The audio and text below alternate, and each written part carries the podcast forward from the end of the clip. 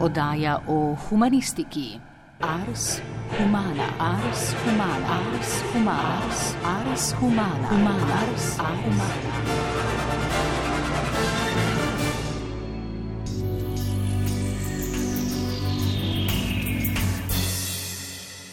Drage poslušalke, spoštovani poslušalci, lepo pozdravljeni. Strokovnjaki z področja umetnosti ugotavljajo, da so epidemija koronavirusa in z njo ukrepi za preprečevanje okužbe največ negativnih posledic pustili na področju umetniške zvrsti glasbe, predvsem so prizadeti zborovsko petje in orkestrska dejavnost. Kot vemo, je v obdobju prvega in drugega tako imenovanega zaprtja države zastala glasbena dejavnost skupinskega petja in skupinskega igranja na glasbila. Saj običajne videokonferenčne aplikacije ne omogočajo kakovostnega prenosa zvoka. V tokratni oddaji Ars Humana se bomo osredotočili na glasbeno šolstvo v epidemiji. Pred petimi leti smo praznovali 200 let javnega glasbenega šolstva na slovenskem. Takrat so v glasbenih šolah ugotavljali, da imamo odlično mrežo javnih glasbenih šol in da dosegajo odlične rezultate na področju poklicne dejavnosti kot ljubiteljske dejavnosti.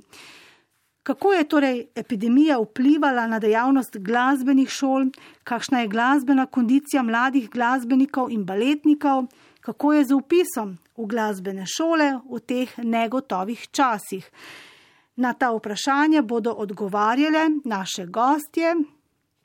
Ravnateljica glasbene šole Slovenska Bistrica in predsednica Zveze slovenskih glasbenih šol Radmila Bikič Magdič ravnateljice konzervatorija za glasbo in balet Maribor Helena Meško. Obe lepo pozdravljam v Mariborskem studiu. Dobr dan. Dobr dan. V Ljubljanskem studiu pa smo ravnateljica glasbene šole Franca Šturma Magdalena Međaral in ravnateljica zasebne glasbene šole Glasbeni atelje Tartini Vildana Repše. Gre za prvo zasebno glasbeno šolo v samostojni Sloveniji, ki praznuje 30 let in izvaja javno veljavne programe. Vnaprej smo posneli višjo svetovalko za glasbeno umetnost na Zavodu za šolstvo dr. Inge Breznik.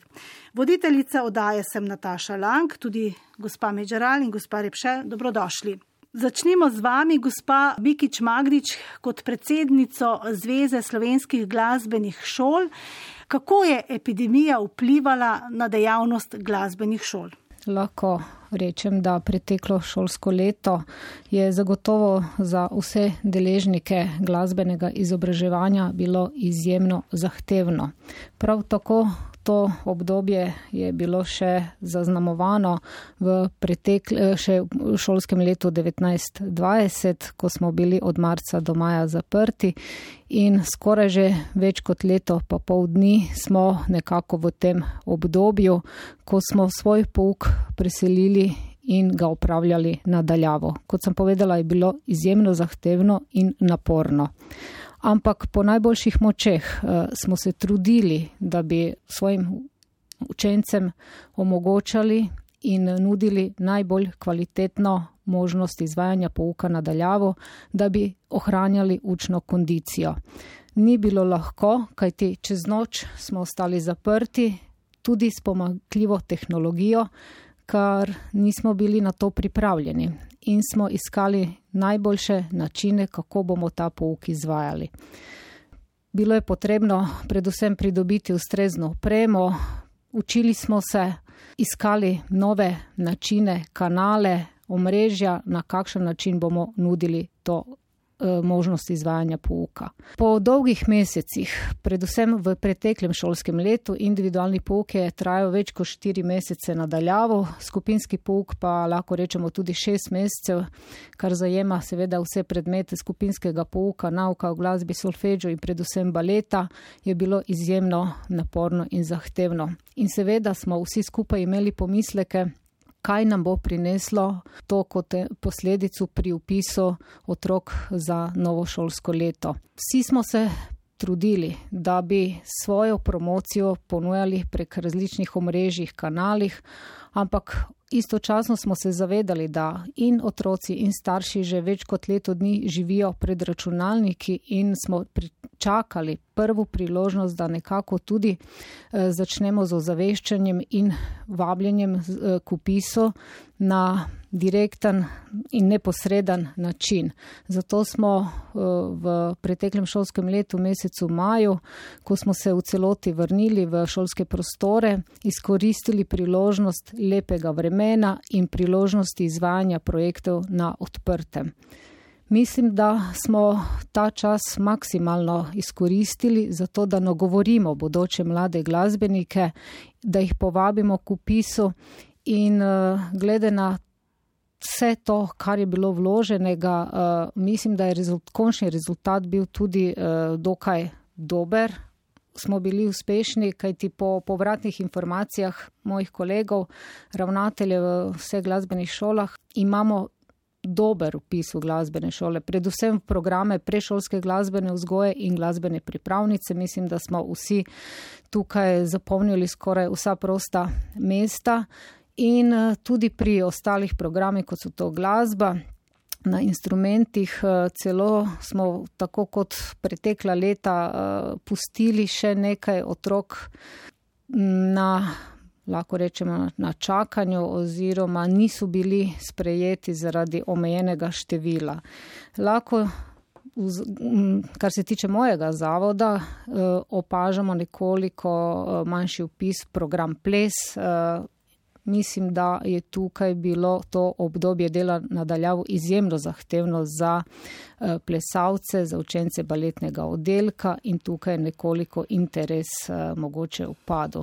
Vse splošno menim, da smo eh, v tem obdobju se maksimalno potrudili, angažirali in na ta način tudi dali vedeti, da je javno glasbeno šolstvo na izjemno visokem nivoju in se maksimalno trudimo in smo svoj program v celoti izvajali na najbolj primeren način. Hvala, gospa Bikič Magdič. Pred epidemijo je javne glasbene šole in zasebne glasbene šole z javno veljavnimi programi obiskovalo tam do 26 tisoč otrok, mladostnikov. Gospa Međeral, vi ste ravnateljica ene večjih glasbenih šol pri nas, eh, glasbene šole Franca Šturma. Kako je pri vas z upisom? Hvala za povabilo in hvala za besedo.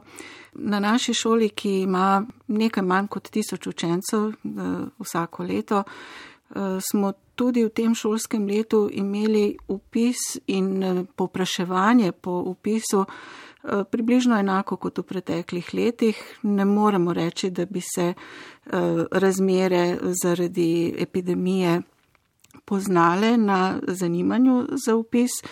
V tem šolskem letu smo imeli nekaj manj prostih učnih mest, kar pa ni odvisno. Vsako leto lahko upišemo toliko učencev, kolikor se jih izpiše ali zaključi šolanje. Število učencev ne moremo spreminjati ali eh, povečevati. Eh, tako da smo eh, v tem letu upisali okrog 160 učencev, To je nekaj manj kot eh, v preteklih dveh letih, takrat smo imeli okrog 170 prostih mest. Ostalo je pa še zunaj 50 otrok kandidatov, ki pa žal pa nismo mogli ponuditi prostega mesta. Hvala, gospa Repše, ravnateljica glasbene šole, glasbeni atelje Tartini. Kako je pri vas z upisom? Mi tudi ugotavljamo, da razlik od prejšnjih let ni. Je pa veliko eh, potreb po eh, pridobivanju dodatnih informacij, kako se to izteče s predšolskim, kako boste začetniki z inštrumentom, ali se bo dogajalo tudi to, kar je najbolj motivacijsko uh, uspešno, to pomeni skupinsko delo za otroke. Je to izjemno pomembno pri nas, kjer imamo.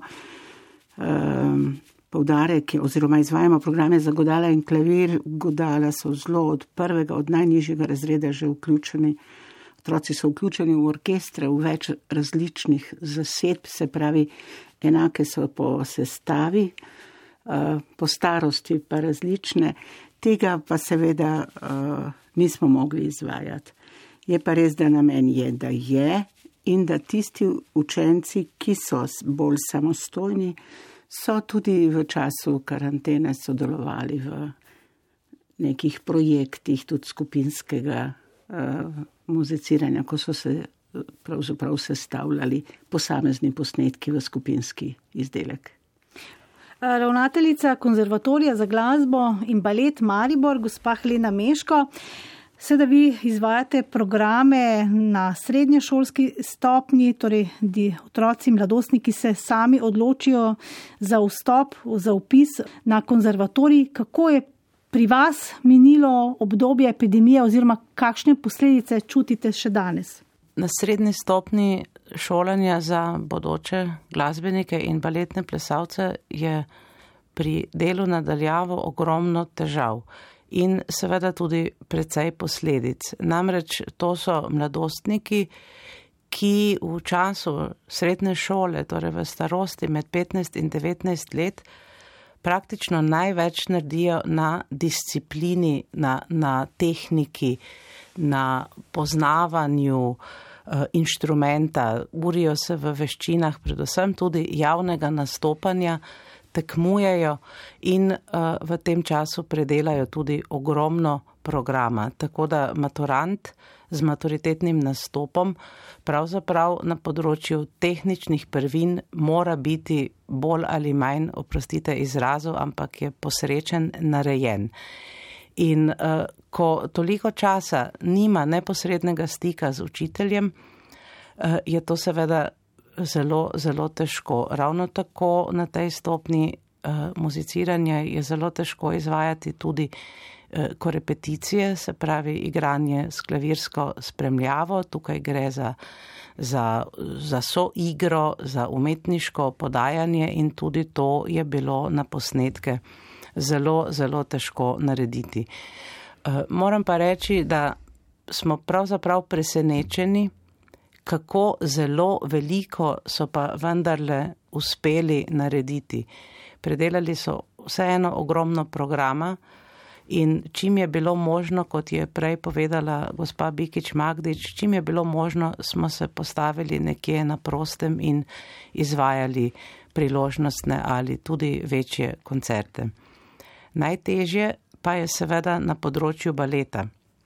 Pri baletu ni inštrumenta, inštrument je telo in pri delu doma je vrsta težav. Največja težava je seveda prostor in primerna tla. Pri baletu se lahko zgodijo tudi poškodbe in za izvajanje vaj je potrebno uh, dejansko je potrebna prisotnost učitelja zraven, poleg otroka, poleg dijaka, da ga takoj vidi, takoj popravi. Tukaj gre za zelo uh, take fine, fine uh, gibe za finese samega plesa in tukaj je bilo zagotovo najtežje. Da o tem, če govorim konkretno za naš zavod, v, v letu 2021 uh, smo imeli namen praznovati 40-letnico srednje baletne šole. Pripravili smo celo predstavo, uh, s tujo koreografinjo, ampak seveda uh, ni bilo možno pripraviti predstave do te mere, da bi jo lahko postavili na veliki odr Slovenskega narodnega gledališča v Mariboru. Tako da težave so bile zares izjemno velike, ampak pod črto moramo vseeno povedati, da je bilo narejeno ogromno delo. In tudi maturitetni nastopi v letu 2021, ki so za razliko od 20, ko so odpadli, potekali v živo na šolah, so pokazali uh, bistveno višjo raven znanja, to so povedale komisije, ki so eksterno sestavljene, kot smo se bali. Tako da, um, kot sem dejala pod črto, moramo biti zadovoljni, ker smo v okoliščinah, v katerih smo se znašli, uspeli sami, učitelji, pridobiti neke nove kompetence in tudi eh, s pomočjo staršev pa angažiranostjo naših dijakov, ki so že usmerjeni v poklic, so rezultati, moramo vseeno na koncu povedati, dobri. Bilo je pa strahotno težko. Zelo velike stiske so se dogajale tako na strani učiteljev, kot tudi na strani dijakov, in nikoli ne bomo dovoljkrat povdarili, da naj se to več ne ponovi. Torej so bili eh, dijaki izjemno motivirani, da so premagali vse te uvire, pouka nadaljavo pri inštrumentu, pri baletu.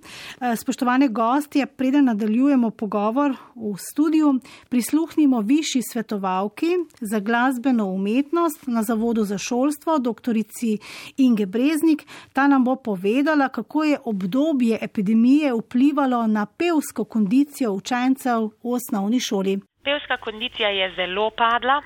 Ta test smo naredili lansko leto v prejšnjem šolskem letu, ko so se otroci po tej drugi karanteni, ki je trajala tudi več mesecev, vrnili nazaj v šole. In smo naredili preizkus, ali zmorejo mladinski pevski zbori v osnovnih šolah dvoglasno, preprosto terčno dvoglasje.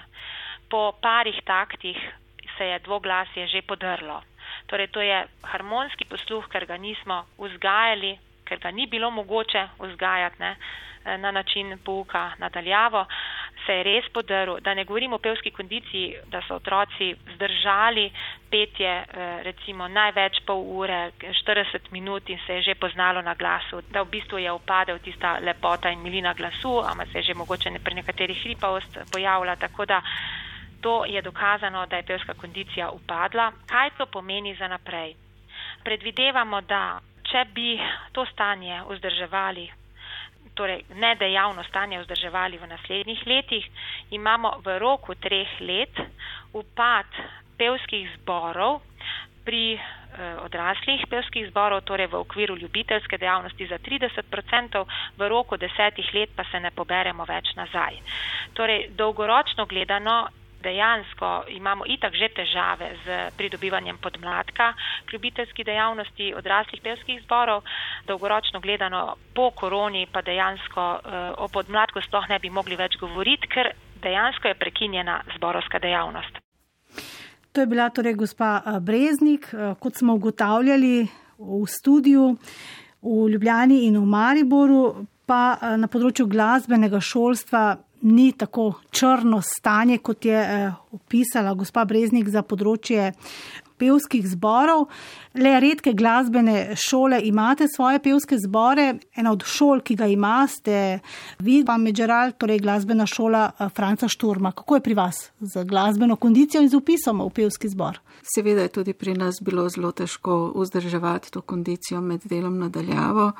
Glede samega vključevanja v mladinski pevski zbor, ta je pri nas ponovno nastal pred tremi, štirimi leti, ko smo se v bistvu trudili, da bi na nek način to tradicijo, ki jo je šola nekoč imela, ponovno obudili ob praznovanju 70-letne, 70. obletnice naše šole, kar nam je z velikimi napori tudi uspelo.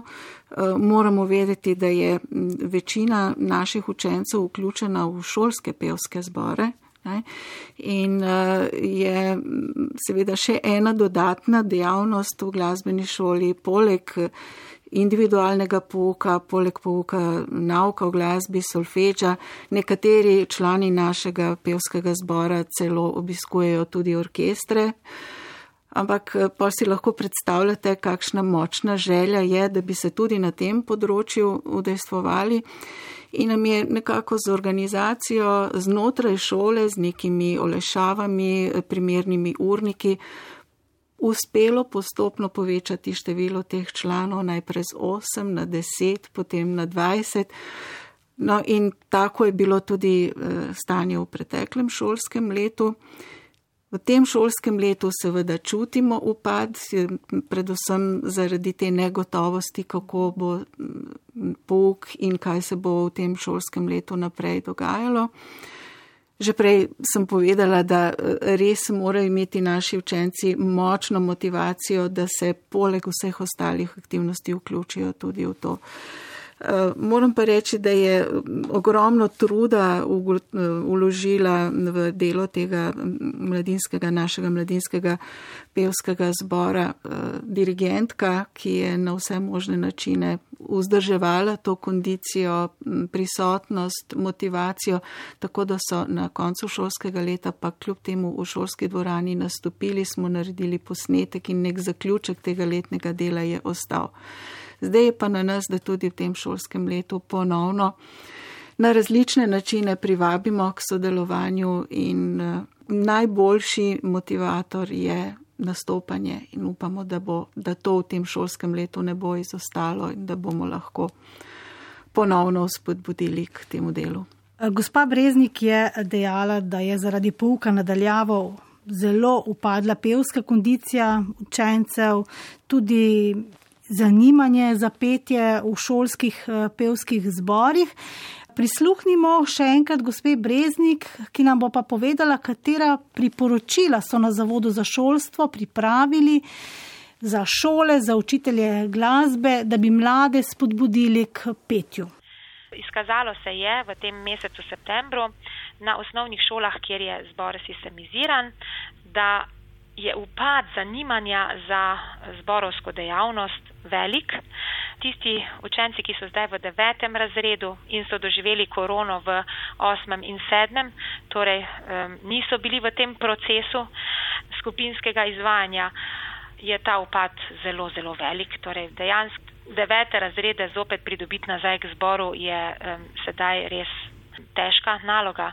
Zato smo se odločili na nacionalni ravni, da pouk glasbene umetnosti zasnujemo nekoliko drugače, kot smo ga bili vajeni do sedaj. Bomo prednostno oziroma povdarjali dejavnost izvajanja petja, skupinskega razrednega petja. To pomeni pri vsaki uri nauka v, glasbi, v glasbeni šoli in pri vsaki uri glasbeni umetnosti v osnovni šoli in pri vsaki uri glasbe v gimnaziji, to je po učnem načrtu oziroma po predmetniku v prvem letniku, nekateri to razlečajo še v drugi letnik gimnazije, se bo posvetilo 10 do 15 minutnemu skupinskemu razrednemu petju. Um, dijaki, učenci bojo izbirali pesmi po lasnem izboru ali v sklopu neke pesmarice, ki jo bo učitelj pripravil.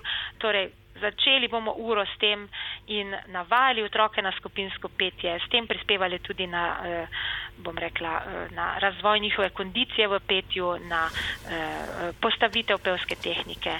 Predvsem pa bomo delali na zanimanju in uresničevanju uh, njihove potrebe po skupinskem petju, saj ko spojemo v skupini, je to tisto neka dodana vrednost za razliko od individualnega izvajanja. Potreba po individualnem izvajanju je dejansko prirojena potreba, po skupinskem izvajanju pa je pridobljena, zato je na tej potrebi še posebej potrebno delati in usmerjati otroke v to. Torej, vrnimo se pa na področje glasbenega šolstva. Prej smo ugotavljali, da se upis v glasbene šole zaradi pandemije ni občutno zmanjšal, da ste priskrbeli tehnično opremo na šolah, da je puh potekal nadaljavo, kar se da dobro, kakovostno. Pa Breznik nam je povedala tudi za priporočilo, da otroci, ki obiskujejo tudi nauk o glasbi, v glasbeni šoli, pojejo prvih 10 minut, 15 minut pri uri. Kako to priporočilo uresničujete, gospa Radmila Bikič Magdič, glasbena šola Slovenska Bistrica? Petje je vsekakor eh, sestavni del učne ure nauka v glasbi, kakor tudi solfeđo, tako da to ni nekaj, kar bi na novo uvajali, ampak je to dejansko sestavni del učnega procesa pri skupinskih predmetih. Gospa Meško, kako je pri vas? Enako. Nauko glasbi je pravzaprav ozvočena teorija glasbe, če povemo zelo preprosto. In pri nauko o glasbi se vse čas zelo aktivno dogaja komunikacija med učiteljem in učencem in večino dela pravzaprav ne poteka ex katedra, če povemo tako. Eh, pošolsko, ampak je vse čas interakcija v veliki večini primerov. Bodi si, da otroci pojejo, bodi si, da slišano glasbo, slišane prvine glasbene zapišajo in potem spet odpojajo. Tudi vsi učitelji nauka o glasbi v glasbeni šoli imajo dovolj izobrazbe na področju klavirja, da lahko pri prepevanju skladbic ali pesmic, ko jih izvajajo v razredu, tudi klavirsko podprejo in je zaradi tega to izvajanje še otrokom še bolj eh, prijetno in moram reči, da zelo z veseljem prepevajo. Ampak je seveda drugače kot v osnovni šoli. Pri nas je to sestavni del dejavnosti. Tako je, to je srednja stopnja. Eh, gospa eh, Vildana Repše, kako je pri vas? Zelo malo delimo vse naše aktivnosti na te eh, dejanske pogoje. Preprosto se, verjetno vsi mi učitelji v glasbenih šolah in ravnatelji, smo se predali temu učenju nadaljavo kot edini možni nadomestni obliki dela in sledimo vsem ciljem, ne odpovedujemo se jim in nekako poskušamo motivirati te otroke, ki so v tej zahtevni osamitvi, morali v nas najti nenehen vir navdiha in tudi v glasbi sami, kar se mi zdi, da je naše najlepše urodje. In seveda učitelj in v druženju z učiteljem otrok potem prebuja v sebi ta potreben interes, da je aktiven pri delu, ne glede na obliko. Se pravi, da je zelo veliko na učitelju, da ustvari eno dinamično situacijo, v kateri pridobi otrokovo pozornost. In ta otrokova pozornost je dejansko se lahko pojavlja na dva načina. Eno je, da se spopade, je motiviran, drugo je, da se ustraši in umakne. In to slednje je bilo značilno za najmlajše. Sama sem imela Florjana, šest let starega, ki se je začenjal učiti violino in ki je zelo lepo sodeloval, radi igra. Mama je pri tem sodelovala in on je vedno na koncu mojega stavka se obrnil mami in rekel, kaj je rekla. Čeprav je mama potem isto povedala, ampak je bila en meter stran od njega in bila živo bitje, ni bila ekran. Tako da recimo na tem primeru, ki se mi je skozi ponavljal in je deček dosegel uh, standarde za prvi razred in smo uspešno zaključili leto, je ena zelo slikovita podoba dela v tem času. Ampak na srečo ste se zdaj vrnili v tako mhm. imenovani model B, ki ga poznamo iz osnovne in srednje šole. Puk poteka v šolah, začutite to energijo sedaj lahko s svojimi učenci? Še bolj. Po moje tudi otroci, ki so bili že prej vključeni v glasbeno šolo, še bolj se zavedajo vse te, celo to neko intimo, ki smo zdaj ustvarili s tem, da starši ne vstopajo v šolo, da manj vstopajo v vsaj začetek učne ure, saj neki komentar na koncu, eh, med sabo se pogovarjajo na hodnikih eh, v nekih prijetnih razmerah, ampak vseeno. Zdaj se v tej intimi porodila še neka taka dodatna povezanost, se mi zdi z vsemi, ki so bili prej. In delo teče koncentrirano z zavedanjem, da je to prekrasna danost in da se nam utegne zgoditi, da nam bo morda za nekaj časa ponovno odtujena to delo v živo in računamo in želimo, da ne bi bilo. To upamo vsi, gospa Medžeral. Ugotavljate, oziroma vaši učitelji ugotavljajo vrzeli pri učencih, imajo vrzeli v znanju, naprimer pri mm, posameznem Mislite, področju. Posledico je, eh, epidemije, ja, epidemije. Pri posameznih inštrumentih. Tako kot so kolegice prej povedale, pravzaprav smo presenečeni, smo pričakovali več primankljaja, kot ga je dejansko nastalo in smo po zaključenih letnih izpitih v preteklem šolskem letu bili zadovoljni. Moram povedati, da v šolskem letu 1920, ko smo tudi en del preživeli nadaljavo v koronskih razmerah, nismo imeli letnih izpitov ob zaključku šolskega leta v preteklem šolskem letu pa ja, po dolgem času eh, dela nadaljavo in smo bili do tega zelo zadržani, nekateri kolegi celo morda zaskrbljeni, ker nismo imeli prave slike, kako bodo o tej kondiciji ste prej govorili, učenci zmogli ta nastop pred izpitno komisijo v neki novi stresni situaciji. Za nekatere je bil to po treh letih učenja prvi letni izpit, prvo srečanje z eno tako situacijo. In uh, rezultati so bili zadovoljivi, uh, dobri, moramo reči, da so nas presenetili. To pomeni, da je tudi na tem, na, pri tem delu nadaljavo veliko stvari, veliko dela bilo opravljenega, seveda na drugačen način, z drugačnimi prijemi, z drugačnimi pripomočki. Mnoge stvari so učitelji morali bistveno drugače pripraviti. Predvsem bi eh, podarila tukaj, da je šlo za eno posebno pripravo učitelja na ta pouk, ko je moral biti pripravljen na različne nove situacije, na, posni, na posredovanje eh, nekega gradiva, ki je učencem bilo v pomoč tudi takrat, ko niso bili v stiku s svojim učiteljem. Veliko enih posnetkov, tako spremljav, ko repeticij, ki so jih otroci potem sami doma lahko kljub eh, odsotnosti odsotnosti učitelja lahko izvedli in se pripravljali na to. Tako da eh, smo glede tega bili res uspešni v tem svojem prilagajanju novim, novo nastali situaciji in rezultati niso izostali. Niso enaki tistim, ki so bili prej, temu ne moremo eh, oporekati, ampak so pa za dano situacijo jaz lahko rečem, da kar izjemni, glede na to, da so eh, učenci zadovoljili tiste kriterije, ki smo jih tudi prej imeli, recimo ob zaključku šolskega leta. Naj dodam še to, da kolegi povedo, da so mnogi učenci sedaj dosti bolj samostojni, kot so bili prej, ker so bili v, tej svoji osami eh, pač eh, v določenem smislu prepuščeni sami sebi, so pa res je imeli tudi več časa za ukvarjanje z glasbo, ker so popodnevi bili zdaj bolj prosti, ni bilo nekih drugih aktivnosti. Žal jih otroci tudi potrebujejo, ampak za, za našo dejavnost pa je to uh, morda imelo tudi en pozitiven učinek. Tako da so nekateri predelali več programa na drugačen način, seveda, kot, je, kot bi bilo to v šoli. Je pa bilo potrebno veliko energije za eh, motivacijo učencev, članov orkestrov, ki so pa v orkestru predvsem zaradi druženja, zaradi interakcije, zaradi skupnega muziciranja. Mi smo v preteklem šolskem letu imeli sekcijske vaje, dokler smo lahko, ne, potem je pa delo potekalo nadaljavo.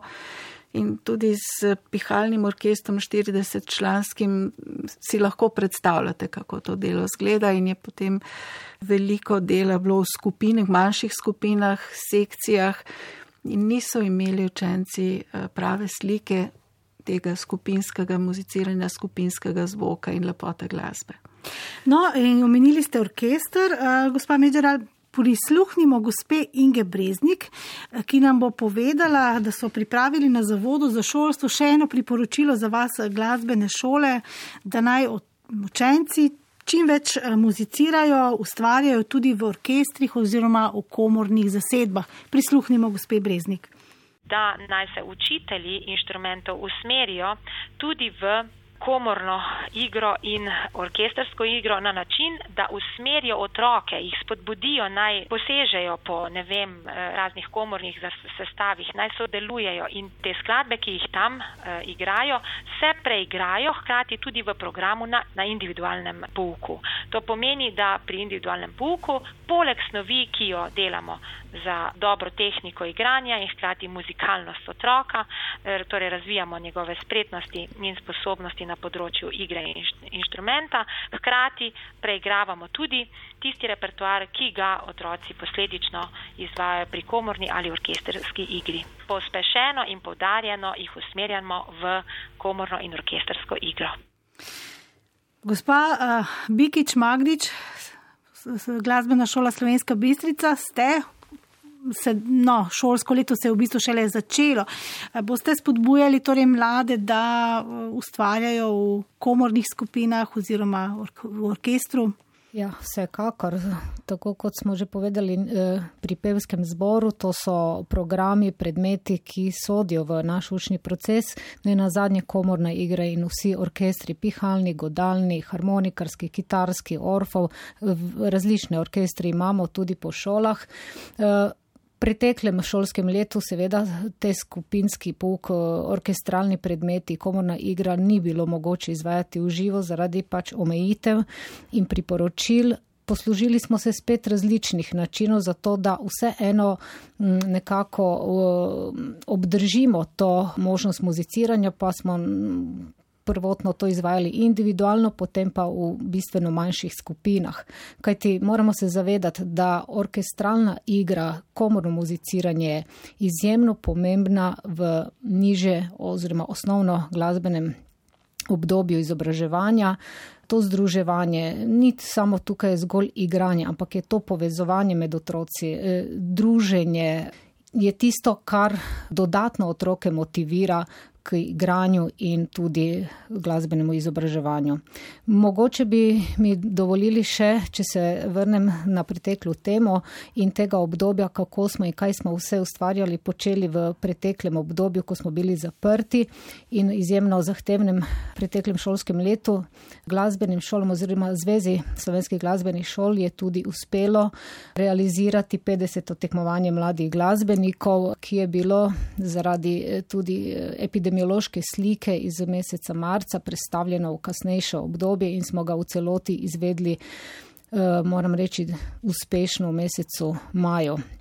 Terminsko je to verjetno bilo za nas vse skupaj izjemno zahtevno, kajti to je tudi mesec, ko na konzervatorijih, umetniških gimnazijah potekajo izvedbe maturitetnih nastopov, priprave na maturo ampak moram reči, da smo vse discipline uspešno tudi izvedli, seveda upoštevajoč eh, takrat eh, vse tiste ukrepe. Žal, tekmovanje potekalo brez možnosti eh, sodelovanja poslušalce publike, zgolj v dvorani so bili prisotni tekmovalec, korepetitor in seveda ocenjevalna komisija.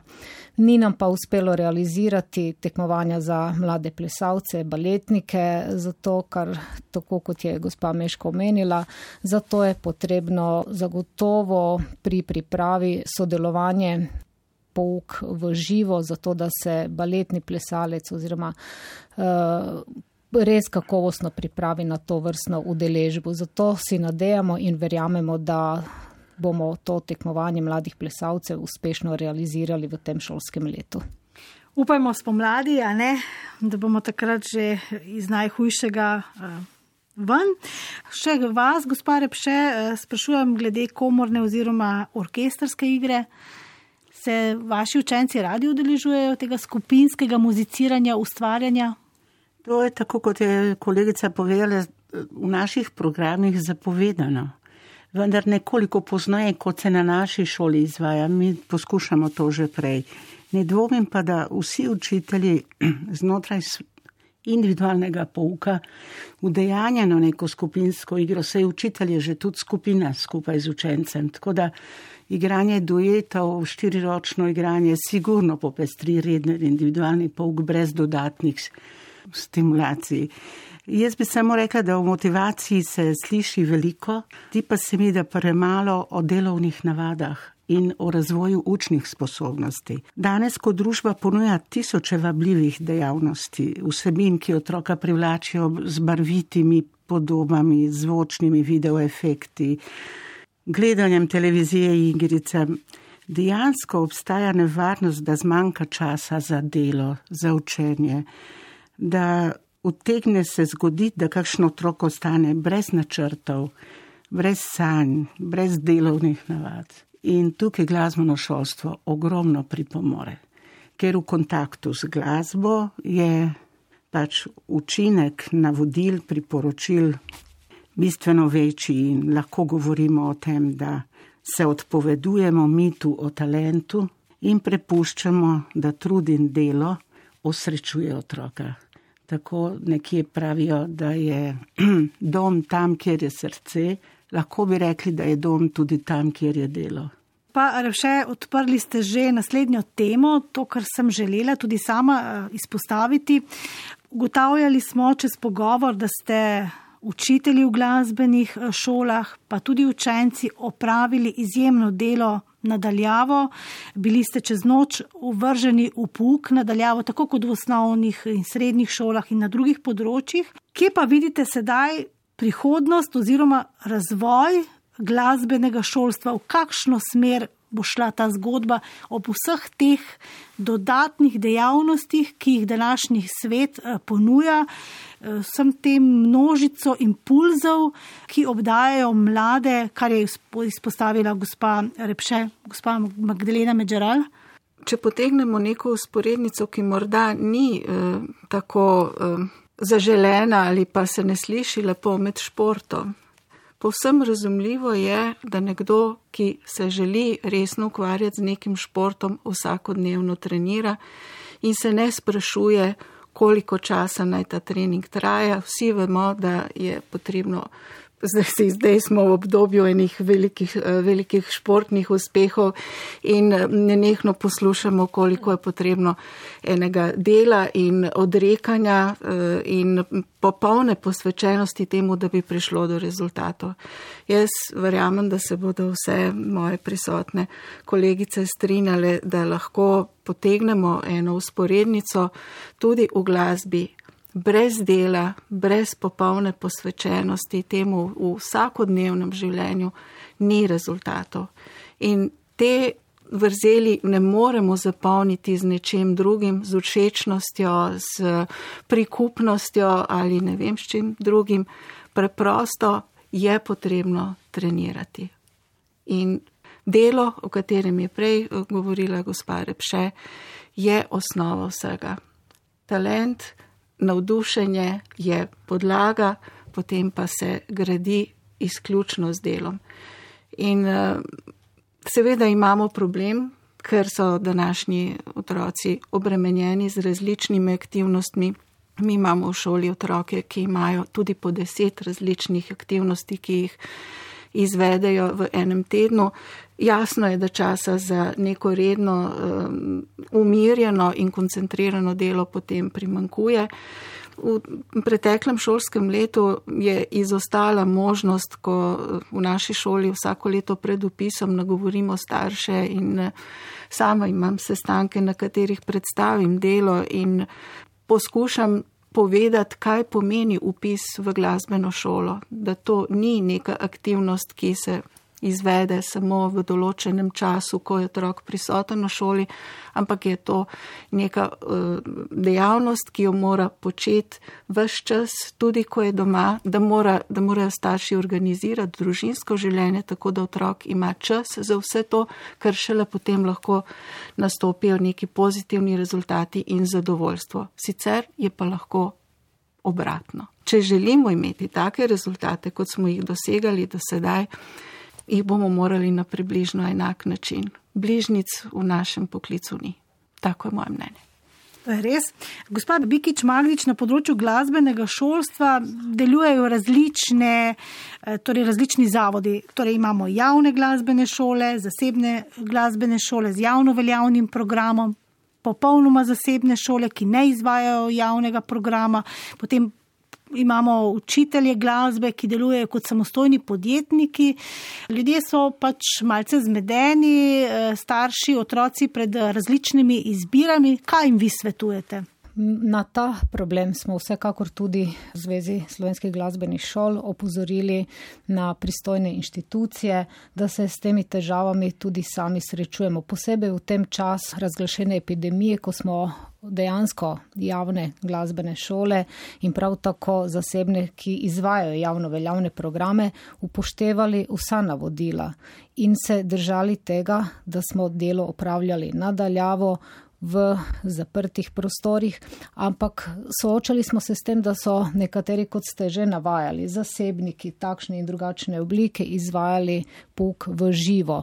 In seveda je potem nastala tudi zmeda, bodi si pri starših ali tisti, ki se zanimajo za bodoče glasbeno izobraževanje in nekako mogoče v tistem trenutku bolj zaupali in si želeli tistega direktnega, neposrednega uh, izvajanja pouka živo in se odločali, mogoče za kakšne zasebnike, ki zagotovo niso v istem položaju poziciji pri uveljavljanju programov, kot to izvajamo javne glasbene šole.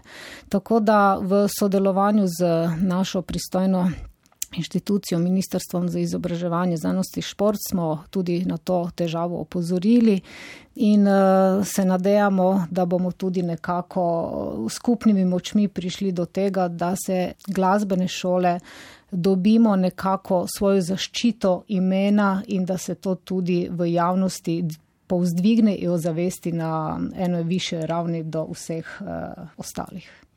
Gospa Meško, ravnateljica konzervatorija za glasbo in balet Maribor. Kakšen je pa vaš pogled na prihodnost vašega konzervatorija, kje so izzivi? Jaz sem prepričana in neomajna vernica slovenskega glasbenega šolstva, namreč predvsem v teh težkih časih, ki so za nami in ki še trajajo, se tudi tokrat pokazalo, da je potreba po umetnosti, potreba po umetniškem izražanju, potreba po tem, da otrok sam zna izvesti nekaj na posamezen inštrument, da ta potreba se bo dolgoročno, po mojem trdnem prepričanju, samo še večala. Zato mislim, da glasbeno šolstvo kot tako izjemno veliko prispeva k družbi. To so otroci, ki se zavedajo, da, kot je rekla kolegica Medžeral, tukaj ni nobene bližnice. Če bi še tako rad odigral eno skladbico, je ne bo, dokler ne bo zvadu, če povem čisto preprosto in, in po domače. Eh, da ne govorimo tukaj o reševanju problemov. Otrok mora s pomočjo učitelja sam rešiti določene probleme. Tukaj so procesi socializacije. Otroci se družijo, nastopajo skupaj, pri skupinskem muziciranju se učijo strpnosti, se učijo vseh drugih veščin socialnih, ki jih danes tako opevamo, mi jih tudi dejansko vzgajamo. Učijo se sodelovati, učijo se, da ima nekdo glavno besedo, da ne moreš biti zmeraj prvi, da je potrebno počakati, da se lahko izpostaviš in tako dalje. O delovnih navadah. Resne študije po svetu kažejo, kako zelo so otroci, ki so kadarkoli obiskovali glasbeno ali baletno šolo v svojih zgodnih obdobjih, kako so delovni, kako so organizirani, kako se znajo spopadati eh, s težavami. To niso naše PR-ovske besede, ampak to so resne študije resnih inštitucij povsod po svetu dokazali. Zato sem jaz zelo optimistična. Seveda izzivov je veliko. Tudi generacije otrok, ki prihajajo, so drugačne. Vse je nekako usmerjeno bolj na, na hitri rezultat. Vsak si želi, danes se z nečim začnemo ukvarjati, jutri bo že rezultat. Ta percepcija družbe je zelo prisotna, zelo bi skoraj upala reči prevladujoča pri nas gre še zmeraj počasi in starši zmeraj bolj vidijo, kako zelo je pomembno to, da ima otrok eno dejavnost, v kateri sistematično neko svojo spretnost, posluh, ročne spretnosti, disciplino telesa pri baletu, eh, pri teh dejavnostih to razvija. Zato se ne bojim, da bi dolgoročno upis v glasbene šole upadel. Največji izziv bo, da bomo znali vse čas starše in javnost prepričevati o pomenu našega prispevka k družbenemu razvoju in uh, k temu, da bomo se sproti in zmeraj nenehno izobraževali in se prilagajali novim generacijam, ki prihajajo, ker generacije otrok danes in generacije otrok pred 50 leti so po svojem doživljanju sveta, po, po načinu razmišljanja popolnoma drugačne. In to bo en od izzivov, zato mislim tudi, da moramo kot ravnatelji veliko vlagati v izobraževanje tudi na teh področjih, na področju razvojne psihologije, na področju komunikacije in vseh teh novih veščin in seveda bomo to tudi počeli, sploh, če se bomo uh, lahko v šolah udejstvovali, ne nadaljavo. V preteklih dveh letih, če smo iskreni, smo vso izobraževanje namenjali skoraj da izključno tem eh, komunikacijskim orodjem, načinom eh, poučevanja nadaljavo in tehnološkim tem IKT možnostim.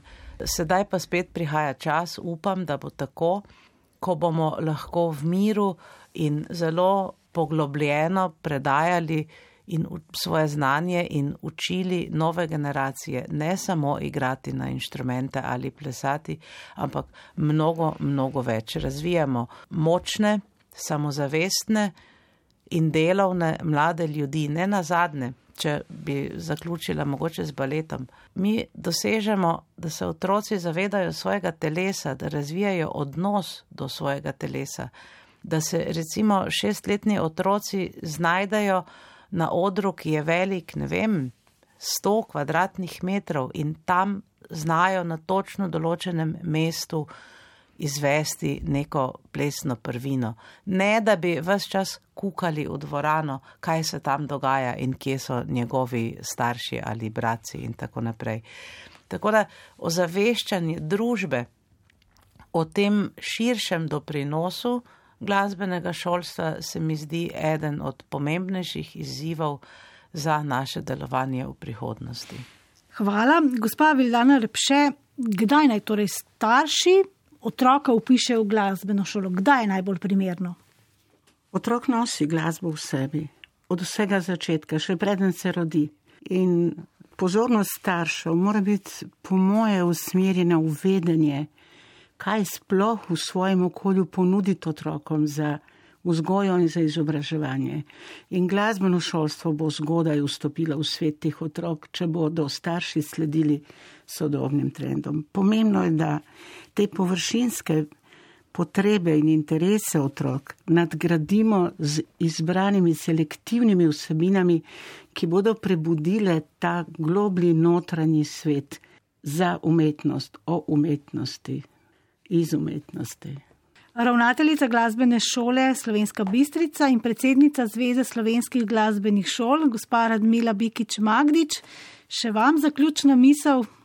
Ja, hvala lepa. Mogoče bi samo še dodala eno stvar in sicer skozi današnji pogovor smo se predvsem osredotočili na deležnike učnega procesa, učence, učitelje, ne na zadnje tudi ravnatelje, ki moramo pač poskrbeti za to, da bo vse to potekalo nemoteno.